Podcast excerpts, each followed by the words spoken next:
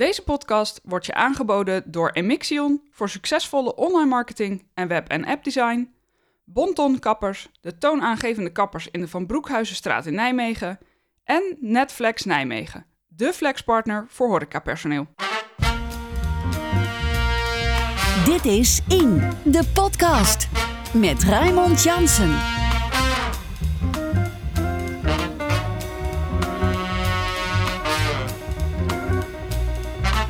Mijn gast van deze week is VVD-statenlid Shanna de Graaf. Ik ben Raymond Jansen en vanuit Brasserie Manna in Nijmegen is dit jaargang 3, aflevering 106 van In de Podcast. En zo is dat. Welkom mevrouw de Graaf. Ja, dankjewel. Ehm, in de eerste en enige podcast over de politiek en maatschappij in Nijmegen. Straks praten we uitgebreid over de Gelderse politiek, over uw drijfveren, de ambities, over de formatie misschien wel. Maar eerst, in de podcast wordt mede mogelijk gemaakt door donaties van luisteraars. U kunt, u kunt ons ook steunen. Dat kan wel voor een klein bedrag per maand. Je bent namelijk al vriend van de show voor minder dan de prijs van een kop koffie in de kroeg. Wil jij dat nou ook? Ga naar inepodcast.nl slash petje af en word vriend van de show. Dit is In, de podcast. Goed, dat gezegd hebbende, wat is u opgevallen in het lokale nieuws deze week? Ja, nou ja, wat mij opviel, en dat uh, stemde me meteen heel erg vrolijk, is dat het hele grote bloemenperk bij het Belvedere weer wordt Ah, ja. aangelegd. En dat is natuurlijk altijd echt ontzettend mooi om naar te kijken. Maar het is voor mij ook wel echt een teken dat de zomer weer voor de deur staat. Ja. En eh, daarmee ook de Vierdaagse. Dus daar heb ik heel veel zin in. Oké, dus zomer, Vierdaagse, eh, dat begint voor u allemaal bij het Wapen van Nijmegen. Want dat is eigenlijk wat we zien, hè? Met heel veel Ja, het is wel een eh, soort plantjes. startsein, zeker. Ja. Ik zag vanmorgen op Twitter iemand reageren. Die zei, hartstikke mooi dat wapen. Maar ik moest wel even denken aan mijn buurvrouw... die eh, nu onderweg is naar de voedselbank. Het is heel mooie PR natuurlijk. Maar is het een goed signaal in deze tijd? Nee, tuurlijk, je moet daar altijd over nadenken. En, eh, maar je moet niet ook alles willen relativeren, denk ik. Ik denk dat het heel mooi is als je zo'n perk aanlegt. Daar genieten heel veel mensen van. Ja. Ehm, en op die manier eh, ja, stemt dat ook weer hopelijk niet alleen mij... maar ook een hoop andere mensen vrolijk. Over de Vierdaagse gesproken. Die gaat u wandelen volgens Ja, mij, dat hè? klopt. Ik hem voor de derde keer uit te lopen deze Oké, zomer. hoeveel kilometer staat er op, eh, op de planning? 40 kilometer. Gaat dat eh, van harte of is dat ook nogal hard werken, zoiets? eh? Nou, het kost wel een hoop tijd. Ik denk dat mensen toch inderdaad ook wel onderschatten hoeveel tijd er in de trainingsdagen gaat zitten. En ik merk nu ook wel met het werk voor de Staten. ehm, dat de weekenden wel heel kort worden. Want als je inderdaad een dag in de week aan het trainen bent, op zaterdag of op zondag. En helemaal afgelopen zaterdag heb ik met eh, een van mijn beste vriendinnen 40 kilometer gelopen. Met haar loop ik ook. Ja, dan ben je gewoon de hele dag onderweg. Ja, dat is iets anders dan een uurtje in de gym. Dat is iets anders dan een uurtje in de gym, correct. Maar niettemin toch wel iets waar naar Ontzettend leuk. En wat ook leuk is, is je komt heel veel mensen tegen, zeker in deze regio, die ook aan het oefenen zijn, aan het wandelen zijn. Dat schept wel meteen een band onderweg. Is, heeft dat dan ook nog, pik je dan ook nog dingen op die je als politicus kunt meenemen tijdens zo'n wandeling? Spreek je dan mensen ook op een bepaalde manier? Nou, als, als je mensen spreekt, dan gaat het met name over de Vierdaagse. En eh, toch wel. En, eh, maar wel ook de waardering voor de stad eh, Nijmegen. En ook hoe snel en hoe, hoe goed dat altijd geregeld is, zo'n Ja. Vierdaagse week. Vierdaagse kwam onlangs ook nog in het nieuws, omdat er een aantal activiteiten ja, eigenlijk niet meer terugkomen tijdens de zomer, of de Vierdaagse feesten moet ik zeggen. Zo komt er geen podium op plein 44. Dat is toch een aderlating. Hè? Ja, dat is jammer. Maar goed, ja, ik denk ook dat eh, het goed is dat je elk jaar blijft eh, evalueren. En eh, ja, de, de behoeftes veranderen ook. Dus ja, goed, dat, eh, dat, daar, hoort, daar horen ook de Vierdaagse feesten bij. Ja. Dit is In, de podcast. Ja, u hoorde al mijn gast deze week, Shanna de Graaf, statenlid voor de Gelderse VVD, woonachtig in Nijmegen. In het dagelijks leven projectleider en juridisch adviseur gebiedsontwikkeling bij een groot advies- en ingenieursbureau. En sinds maart van dit jaar dus eh, provinciaal politicus. Ja, dat klopt helemaal. Laten we eens beginnen. Uw fractievoorzitter, die was ook lijsttrekker, die zei heel overtuigend, de Gelderse VVD die gaat tien zetels halen. Ja, nou ja, goed. Dat ik denk, liep anders af. Dat klopt, dat liep anders af. Maar ik denk dat het alleen maar heel goed is dat je in de campagnetijd ook positief blijft. En eh, uitstraalt dat je er zin in hebt. En daar hoort ook een ambitie bij. Ja, al dus de oud-campagneleider van de lokale VVD. Dat al ben ik hier. ook geweest, Ik snap, zeker. ik snap dat antwoord, maar het is natuurlijk wel ehm, een tikkie schaal wanneer je dan maar zes zetels overhoudt. Nou ja, als je aan mij vraagt van, joh, had je dit verwacht? Ehm, wij hadden wel verwacht dat het een nek-en-nek race zou worden hè, met de BBB. Ja. En, ehm, Dat werd het ook niet. Dat werd het ook niet, nee. Nee. Dus, het, dus in die zin dachten we, nou, het wordt misschien al spannend. Misschien worden we inderdaad ook niet meer de grootste. Uh, maar uiteindelijk, en dat was niet alleen in Gelderland zo, ook in andere provincies uh, bleek dat, uh, was de BBB toch echt wel een stuk groter dan we zelf misschien ook gedacht hadden. Ja, ja. Dus zegt u eigenlijk van nou, we zeggen tegen onze lijsttrekker, zet maar mooi in op 10 zetels, maar eigenlijk houden we rekening met, met minder dan 10. Nou, dat niet per se, maar wel dat je ook, ehm, het is denk ik ook goed om te laten zien dat je de ambitie moet je altijd uitspreken, heb ik geleerd. En nou ja, goed, dat, dat geldt in campagnetijd net zo. Dus ik denk dat ja. het alleen maar heel goed is dat je die ambitie benadrukt. Ja, afscheid genomen van een aantal toch wel toonaangevende gezichten van die fractie. Hè? Jan Marking, oud-gedeputeerde inmiddels. Uh, uh, jarenlang, ik heb niet eens opgezocht hoe lang, maar echt verschrikkelijk veel jaren lang uh, actief voor de VVD Gelderland. Frederik Peters als fractievoorzitter afscheid genomen. Ook een hele nieuwe club. Dus dat is ook alweer even, wat zullen we zeggen, wennen? Ja, het zeker. Het is wennen. En uh, voor mij zeker als nieuw statenlid. Kijk, ik uh, moet ook echt nog de weg zoeken in het provinciehuis. En uh, ja, goed, als ik binnenkom lopen en ik, ik zie vergaderzaal en staan... dan moet ik toch even nadenken van, ja. oh, moet ik ook weer komen? Dus ja, dat heeft in meerdere opzichten is het nieuw. Maar ik denk dat het ook goed is, wat nieuwe bloed in, in de politiek. En uh, ja, Jan Markink is natuurlijk uh, een persoon, uh, zeg maar, dat is sowieso een hele bijzondere. Die heeft drie, maar liefst drie termijnen gediend als gedeputeerde. Hij wilde graag een vierde, hè? Is dat zo? Mm -hmm. Nou ja, goed. Al met alles denk ik ook goed dat je op een gegeven moment stopt op het moment dat je ook nog gewaardeerd wordt. En nou ja, met in die zin ook aan iets leuks en nieuws kan beginnen. En kunt terugkijken op een hele fijne en goede tijd. Ja, het werden dus niet die gehoopte tien zetels, het werden er zes. Hoe had u de, concurrentie van de boerburgerbeweging van Riek Loeters eigenlijk ingeschat vooraf? Nou, wat ik net ook al zei, hè, ik had wel verwacht dat het een, uh, een hele spannende avond zou worden. Uh, dat het misschien wel een nek-en-nek race zou worden. Misschien dat we ook wel, um, in de loop van de avond werd dat helemaal duidelijk toen de eerste exit polls uh, kwamen. Gelderland zat er overigens niet bij, maar bijvoorbeeld wel Overijssel. Um, daar zag je echt inderdaad wel een enorme winst voor BBB. Maar in Brabant viel dat dan ook weer mee. Dus en Gelderland is daar denk ik een beetje een mix van. Dus nou, in de loop van de avond bedachten we wel van, nou, misschien worden we dan wel niet meer de grootste. Maar heel eerlijk, ja, tuurlijk, het is altijd jammer als je verliest. Maar dat is ook wel uh, een kant die hoort bij de ja, politiek. Zeker. Maar uh, waar ik eigenlijk naartoe wilde was de, de, de intentie van de boer-burgerbeweging, hun plannen, hun ideeën. Had de VVD helder in hoeverre dat misschien wel een bedreiging voor, uh, voor de VVD zou kunnen zijn? Nou, ik weet niet of je moet spreken over uh, bedreiging. Ik denk dat het heel goed is dat er altijd uh, partijen uiteindelijk ook een nieuw geluid ho laten horen. En dat, dat was de BBB en dat sprak gewoon heel erg aan. Um, ja, daar moet ook ruimte voor zijn. Ja. Ja, Mark, ik was natuurlijk ook behalve politicus ook agrarisch ondernemer, geloof ik, hè? heet dat dan netjes. Uh, de VVD had natuurlijk ook wel wat achterban in die, in die hoek. Zijn die dan allemaal massaal naar die BBB gestapt? Ja, dat weet ik eerlijk gezegd niet zo goed. Er zullen er ongetwijfeld een uh, aantal zijn geweest, maar... Uh, ja, we hebben altijd wel geprobeerd om ook een reëel geluid te laten horen. En nou ja, goed, afgelopen week kwam natuurlijk ook het bericht naar buiten uh, van, uh, van gedeputeerde Drent dat we de 1 juli uh, deadline uh, als Gelderland niet gaan halen. Nou ja, dat toont maar weer aan hoe ontzettend complex dat dossier is. Ja. En um, nou ja, we hebben als VVD altijd wel heel erg getracht om ook reëel in dat dossier te blijven zitten. Ja, Rick Loeters zei in een interview met mij dat hij een hele snelle formatie wilde.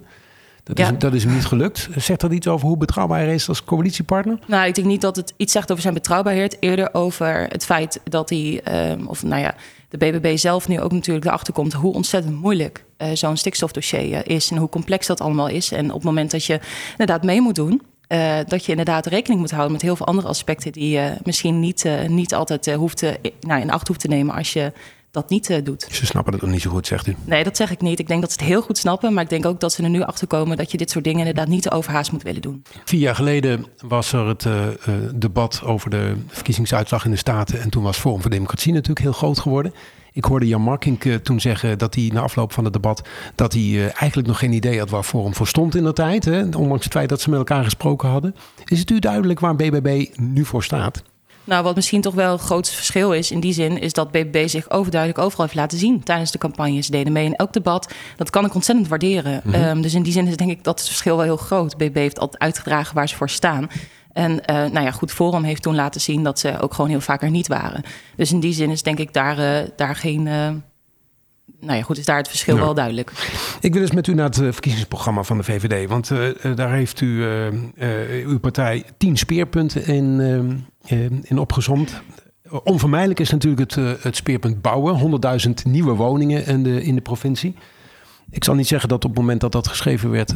dat toen de ernst van de wooncrisis nog niet de helder was. Maar hij is er niet soepeler op geworden. Hè? Die, die 100.000 woningen, dat wordt echt een heel groot probleem. Hè? Ja, klopt. Dat wordt een uitdaging. Een uitdaging. hoe, gaat, er- hoe gaan we dat probleem oplossen? Wat is, eh, wat, wat is het plan? Nou ja, we moeten natuurlijk nu eerst wachten op de coalitie. Zeker. Die zijn aan het onderhandelen.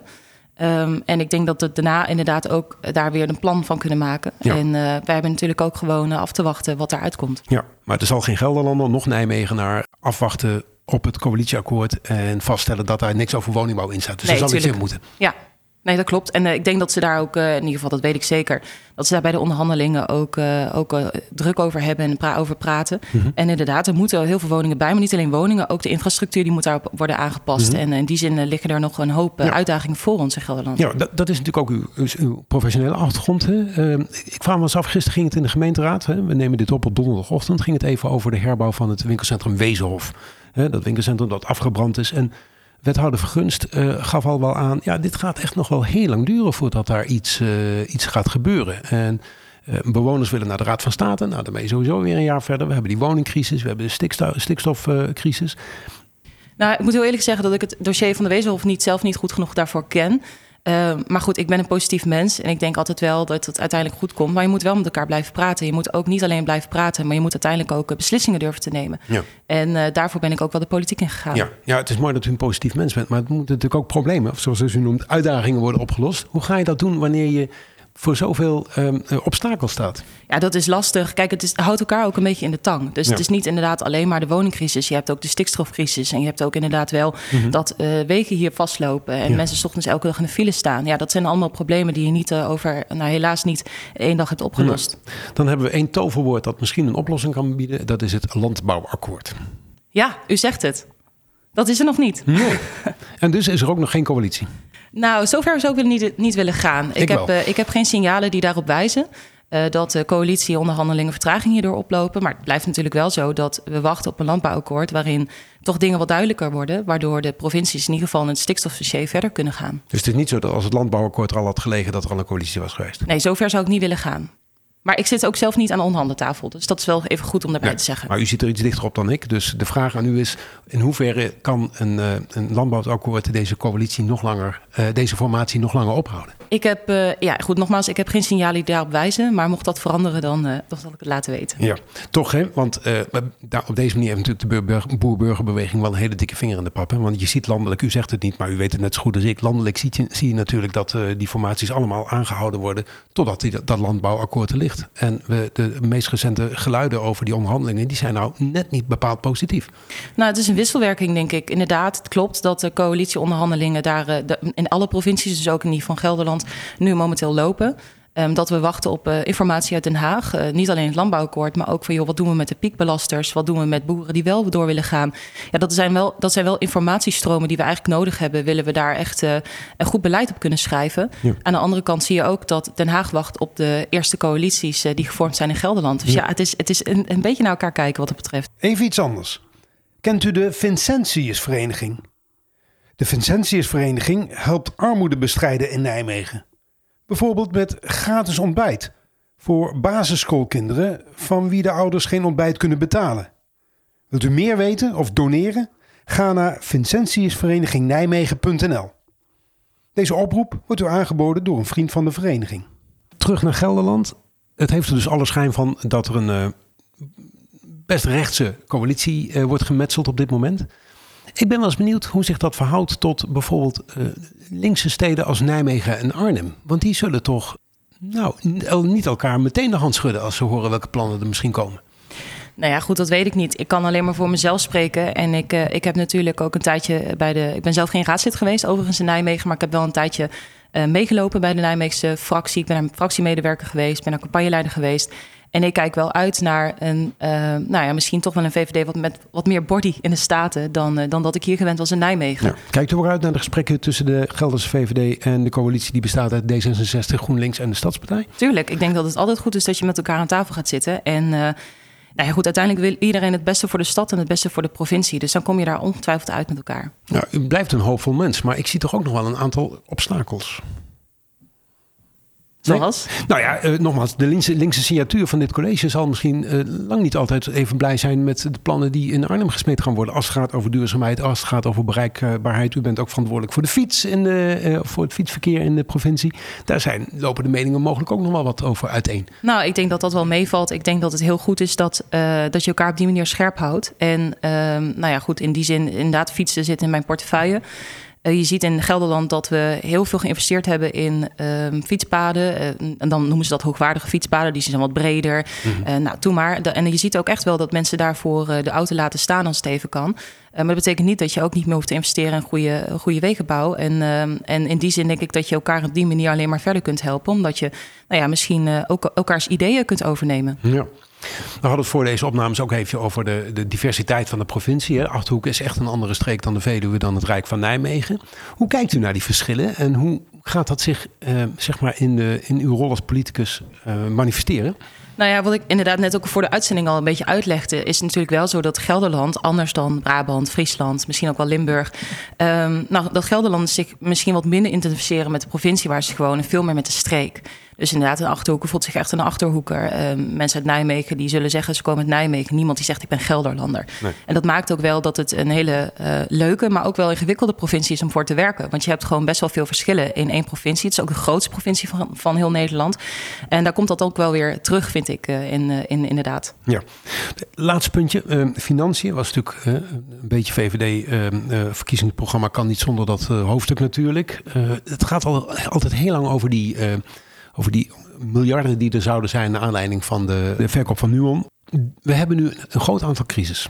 Is het niet nu het moment om eens na te gaan denken over een goede besteding in plaats van reserveringen van dat geld? Nou, niet per se, um, want dat, die gelden leveren meteen ook heel veel op uh, aan rente. Dus um, je moet daar inderdaad wel voorzichtig mee zijn, wil je dat meteen gaan uitgeven.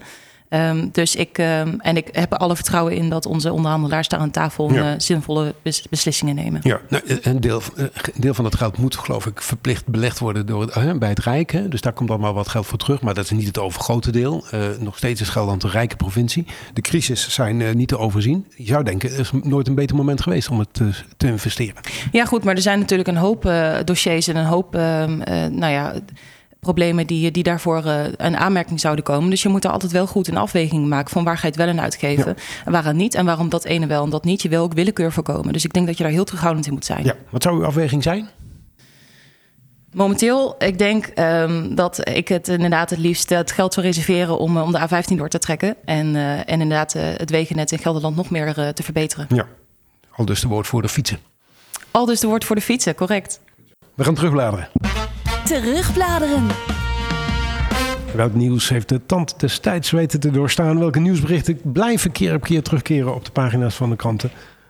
Rob Jaspers zoekt het elke week voor je uit. Rob, deze week gaat het over het actieplan Binnenstad. Ja, actieplan Binnenstad. Dat is eigenlijk al een eeuwige term die in Nijmegen is. Want we wilden altijd uh, de binnenstad uh, uh, vernieuwen, aanpakken. En nu, nu dan wordt altijd ook geld uitgegeven. Je ziet ook voortdurend wat gebeuren. We hebben de schaaktafels gekregen. we hebben de kunst tegen de muren ja, gekregen. Ja, ja, we hebben de, de, de poëziemuren gekregen. En de Scheidemakershof. Nee, ja, de, nee, nee, het Scheidemakershof. In de Scheidemakershof zitten zitten weer tekeningen van het, van het bombardement op Nijmegen. Precies. Uh, het, het, het, het, watervalletje in de Hezelstraat. Het, het, watervalletje. Dus je denkt voortdurend na. We hebben de bus uit die binnenstad. En we zitten toch weer voortdurend na te denken over de vergroening.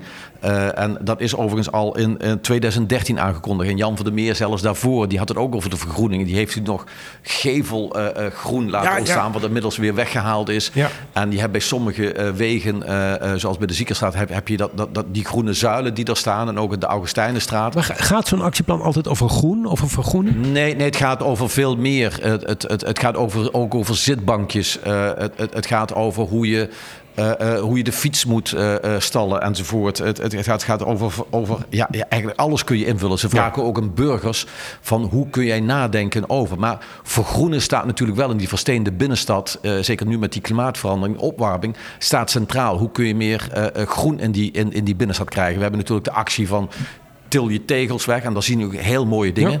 En Jean-Paul Broeren heeft nu weer het idee van een wandelend parkje. Ja, onze wethouder. eh, eh, om te laten zien. Nou, nou, nou, ja, ik ben daar wat kritisch over. In een wandelend parkje. En, en eh, ik, ik denk dan bijvoorbeeld terug aan een initiatief dat vorig jaar in Leeuwarden was. Van een wandelend park met eh 1200 bomen. die door vrijwilligers door de stad. Kost overigens wel wat.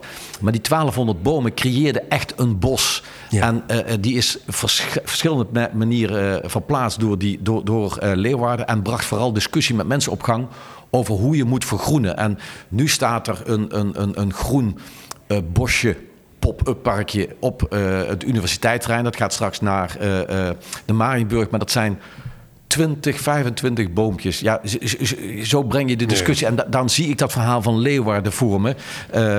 Ja, da- dan stimuleer je iets. En we hebben ooit, ik vind het heel triest. Je moet eigenlijk gaan kijken. Op eh, het Kelfkesbos staat Ja. bij het museum staat nog een groen bak. Daar staat groot op groene allure. Gemeente Nijmegen. Dat is een bak uit een projectplan uit 2007. Nou, als je die groene allure daar ziet, dan zie je wat eh, eh, onkruidachtige plantjes, wat je tegenwoordig geen onkruid mag noemen. Dat is het enige wat er staat. Maar toen was ook de droom, we gaan dat. En ja, Maar gelukkig wordt, die, wordt dat Kelfkesbos ook één grote groene wilde. Nou, ja, wat ik aan tekeningen gezien heb, valt het eh, eh, toch wel vies tegen wat Nou, er aan eh, groen komt. En we hebben het al gezien voor het pannenkoekenhuis. Eh, dat is ook eigenlijk versteende oppervlakte geworden met een heel klein parkje. Ja, men, men denkt van god, we gaan parkjes aanleggen. En als 10 keer eh, 10 vierkante meter doen, dan, dan, dan telt het net. Nee, je moet echt durven. En ik hoop nu echt, ik hoop eh, Leeuwarden eigenlijk een inspiratiebron is voor mensen in Nijmegen. Misschien kun je daar zelfs heen gaan. Ooit de oude directeur van de Lux. Die, zit, eh, die heeft ook, eh, hoe heet dat, eh, de culturele hoofdstad mee georganiseerd. Eh, hij zit nu geloof ik zelf ook in de gemeenteraad. weer, die Friese jongen? Misschien toch eens goed om daar te gaan kijken van... Hey, hoe, hoe, hoe doe je dat? Hoe Ja. pak je dat aan? Hoe krijg je mensen mee? Want bij vergroening moet je mensen meekrijgen. En dat zijn best mooie voorbeelden hoor. Afgelopen week liep ik weer eh, door een aantal eh, straten in de binnenstad... en ik zag inderdaad van hoe de tegeltjes eruit gewipt werden... hoe het vergroend was. Maar de andere kant is, als ik wel eens door eh, de binnenhofjes in Nijmegen loop... zou ik bijna raadsleden, wijk eens af van je route en ga eens kijken. En dan schrik je van eh, het steen... Eh, en dan tegelijkertijd, als je nou groen denkt, dan zou je eigenlijk direct de kansen zien om dat aan te pakken. Ja, ja.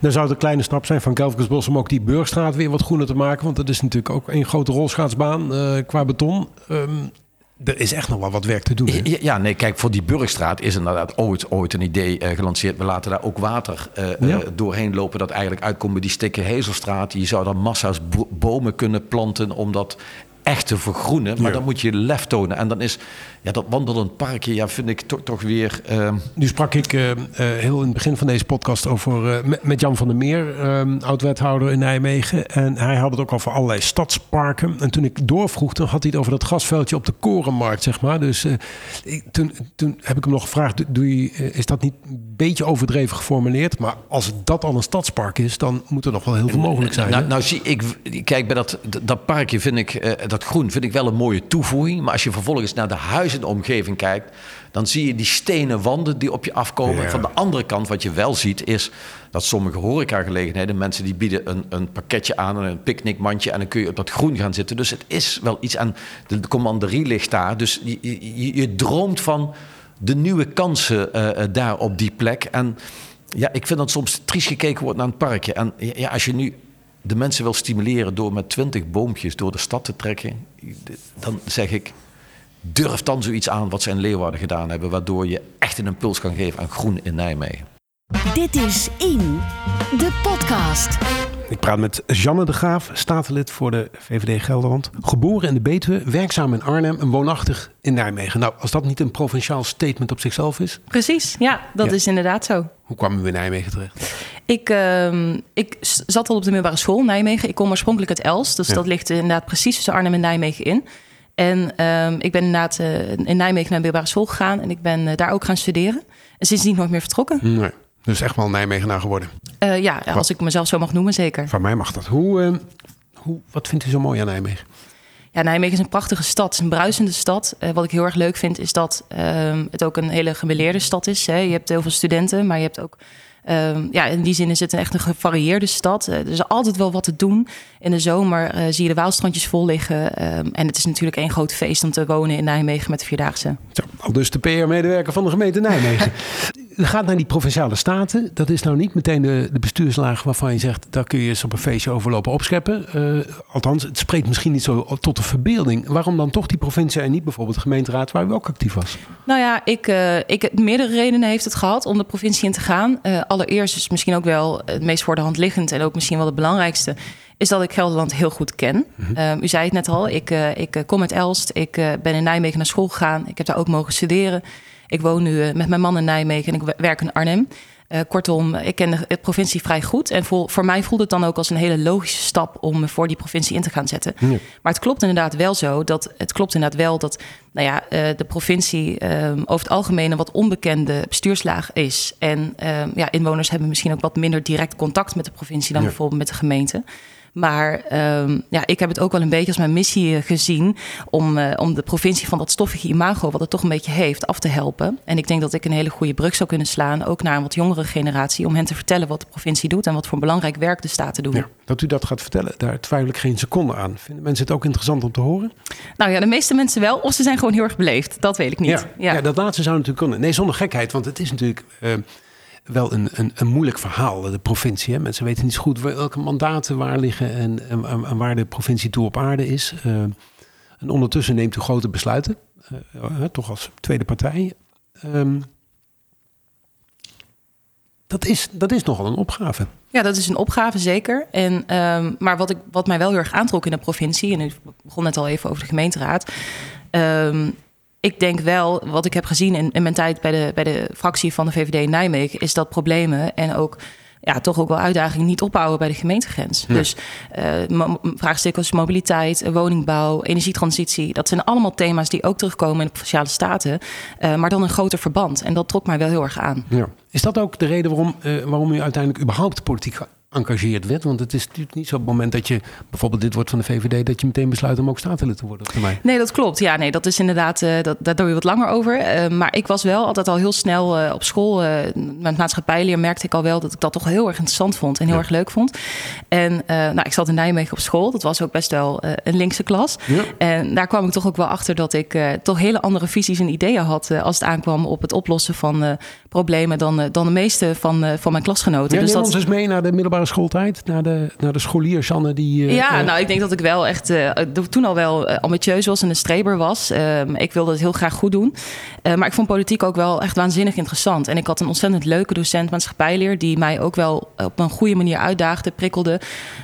mij hielp na te denken over waarom ik dingen dan vond... en hoe ik, ze dat dan, hoe ik dan moest beargumenteren om anderen daar, daarin mee te krijgen. Dus daar is mijn liefde wel een beetje begonnen ja, voor de, de politiek. De debater was al vroeg geboren. Was dat ook meteen een VVD'er?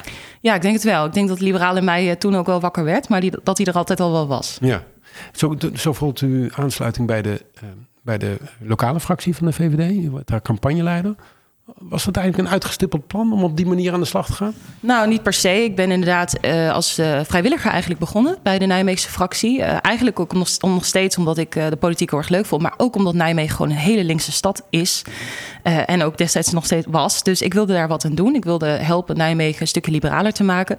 En ik ben toen aangesloten bij de Nijmeegse fractie en gewoon nooit meer vertrokken. Ik vond dat zo ontzettend leuk. En ze hebben mij daar alle kansen geboden. En ja, goed, in die tijd ga je ook nadenken van... joh, waar zou ik zelf over, te, over eventueel over uh, willen nadenken. Ja. En toen kwam de provincie eigenlijk al heel snel uh, ja. wel bij mij in beeld. Nijmegen is niet veel liberaler geworden in die jaren. Nee, helaas. Nee. Mijn inzet heeft het niet gelegen, nee. denk ik. Maar dat... Uh, dat is inderdaad wel, ja, dat is inderdaad wel gewoon lastig. Kijk, we hebben in Nijmegen denk ik een hele goede sfeer in de gemeenteraad. En dat is ook heel belangrijk. Maar je voelt je als VVD'er soms inderdaad wel een beetje een roepen in de woestijn. Ja, ook als Nijmegenaar, als Nijmeegse liberaal? Um, in de provincie bedoelt u? Ja. Nou, daar een stuk minder in die zin dat, uh, dat je toch wel merkt dat het uh, in de provincie uh, over het algemeen wat liberaler is dan hier in Nijmegen. Ja, ja. Sterker nog, er is een behoorlijk rechtse formatie gaande. Dus dat wordt nog wel een, een behoorlijk verschil, ja. Ja, nou goed, daar kijk ik ook wel naar uit, moet ik eerlijk zeggen. Ja, ja dat begrijp ik van uw kant. Ja. Um, tot slot, de statenleden worden benoemd voor vier jaar. Um, we mogen gemakshalve vanuit gaan dat u mee aan de knoppen gaat aankomende vier jaar... in afwachting van een, van een coalitieakkoord. Um, wanneer zijn die vier jaar voor u geslaagd, als u terugkijkt over, uh, naar die tijd? Oeh, dat is een goede vraag. Ik denk dat die vier jaren geslaagd zijn voor mij. Allereerst als ik, uh, als ik wel daar het gevoel aan over heb gehouden... dat ik ook echt het verschil heb kunnen maken. Dat ik iets heb kunnen bijdragen. Uh, niet alleen in mijn portefeuilles, maar ook aan, de, aan andere onderdelen. En natuurlijk ook wel als je gewoon uh, ziet dat je een aantal speerpunten die u net noemde in het verkiezingsprogramma, als je die kunt verwezenlijken, ja, dan uh, ben ik heel tevreden. Ja, het is nog wel een beetje abstract als het aan mij ligt. Dat klopt, ja. Ik zou natuurlijk dolgraag mijn naam zetten onder het doortrekken van de A15. Uh, dat zou natuurlijk het allermooiste zijn. Maar goed, daar ben ik ook van afhankelijk met betrekking tot inderdaad andere onderdelen, bijvoorbeeld stikstof. Dus ja, ik zou willen dat ik dat helemaal zelf aan de hand had, maar dat heb ik niet. Nee, dat snap ik. Goed, dankjewel. En tot zover Shanne de Graaf. We gaan luisteren naar de column van Kiki. Dit is In, de podcast. Stop de persen. Ik heb iets ontdekt. De VVD geeft debattrainingen aan haar leden. Hoe overtuig je de besluiter in je publiek? En wacht, ik maak het nog bonter. D66 doet hetzelfde. En Forum voor Democratie, PvdA en zelfs godsgezinde CDA-leden krijgen zo'n workshop aangeboden. Ik heb echt mijn best gedaan om te begrijpen waarom mensen zo gechoqueerd zijn dat GroenLinks Nijmegen een workshop aanbiedt over het voeren van discussie met rechtse mensen op verjaardagsfeestjes. Maar het is me niet gelukt. Laat staan dat ik begrijp waarom een merendeel van de mannen bij in de podcast, net zoals half Twitter, het eng lijken te vinden. Gaat verontwaardiging over de setting? De goede oude kringverjaardag? Vinden we dat politieke discussies alleen thuis horen in de raadzaal, tussen politici? Ik hoop van niet. In de online storm worden GroenLinksers afgeschilderd als Jehovah-getuigen die niet naar tegenargumenten willen luisteren en alleen hun eigen gelijk willen verspreiden. Ten eerste is het echt vreemd dat de politieke partij haar idealen probeert te verspreiden. We zijn toch niet werkelijk geschrokken dat GroenLinksers de discussie aangaan als mensen impliceren dat daklozen gewoon een beetje lui zijn? Vinden we echt dat de GroenLinks-lid in een discussie open moet staan voor het idee dat klimaatverandering niet bestaat? Denken deze verontwaardigde mensen dat VVD'ers in hun debattrainingen leren beargumenteren waarom wonen een basisrecht is? Ik heb in een eerdere column zelf de verjaardagscasus al eens aangehaald. Je staat als linkspersoon op een feestje en er wordt een seksistische grap gemaakt of wordt simpelweg foutieve informatie opgelepeld. En je wilt je mond niet houden, want je wilt niet leven in een wereld waarin transfobie, seksisme of racisme normaal wordt gevonden. Maar je weet ook dat de sfeer kan omslaan als je de discussie aangaat. Nu is het mijn werk om dialoog en discussies te organiseren. Daar ben ik vijf dagen in de week mee bezig. De zaterdagochtend is om de week voor het schrijven van deze column. Als ik de krant opensla, lees ik veel dingen waar ik verdrietig van word. Dus heel eerlijk gezegd, als ik op zondagmiddag met een biertje in mijn hand op een verjaardag sta, heb ik geen zin om iemand zonder ironie te horen verklaren dat mensen in armoede maar gewoon wat harder moeten werken. Want ik heb geen zin in die discussie. Die discussie kost mij bakken met energie. Ik wil gewoon praten over de one-night stand van de nacht ervoor en wanneer we weer in de nevenkrul gaan zwemmen. Heel eerlijk gezegd, het is voor mij makkelijker om die gesprekken te vermijden. Want dan heb ik een leukere zondagmiddag. Als ik de aankondiging van de Hoe ga je om met je PVV-omtraining lees, kan ik deze GroenLinksers alleen maar bewonderen dat ze hun best doen om dat gesprek te blijven voeren. En het ook nog zo gezellig mogelijk te houden. Maar lukt het niet altijd. Ik zie namelijk nergens staan dat dit een cursus Hoe schreeuw ik zo hard mogelijk tegen mijn racistische schoonmoeder is. Of een workshop Hoe kom ik van mijn huis naar Café de Opstand zonder de buren te begroeten. Het is inderdaad wel een training in het staan voor je politieke idealen. In gesprek. Is dat niet juist een belangrijk onderdeel van politiek? En ook tot zover Kiki Koolman. Vergeet niet morgen, zeg ik u, um, om vier uur naar onze website te gaan. Daar is dan weer de nieuwe column van Vincent Kantrijn te vinden. Helemaal tot slot wijs ik je op de mailing van In de Podcast. Wil je die ontvangen? Ga dan naar indepodcast.nl slash mailing en geef je daarop. Dan stuur ik je elke week een bericht met van alles wat je niet hoorde in deze podcast. En dit was aflevering 106 van In de Podcast. Redactie en productie waren handen van Rob Jaspers en mijzelf. Ik ben Raymond Jansen. Montage en audio nabewerking door Thijs Jacobs. En heb je vragen aan ons, mail naar redactie.indepodcast. Ook voor suggesties, voor onderwerpen of voor vragen. Volg ons op de social media, het in de podcast. En volgende week, dan zit hier Rob Jaspers weer. Dit is In, de podcast.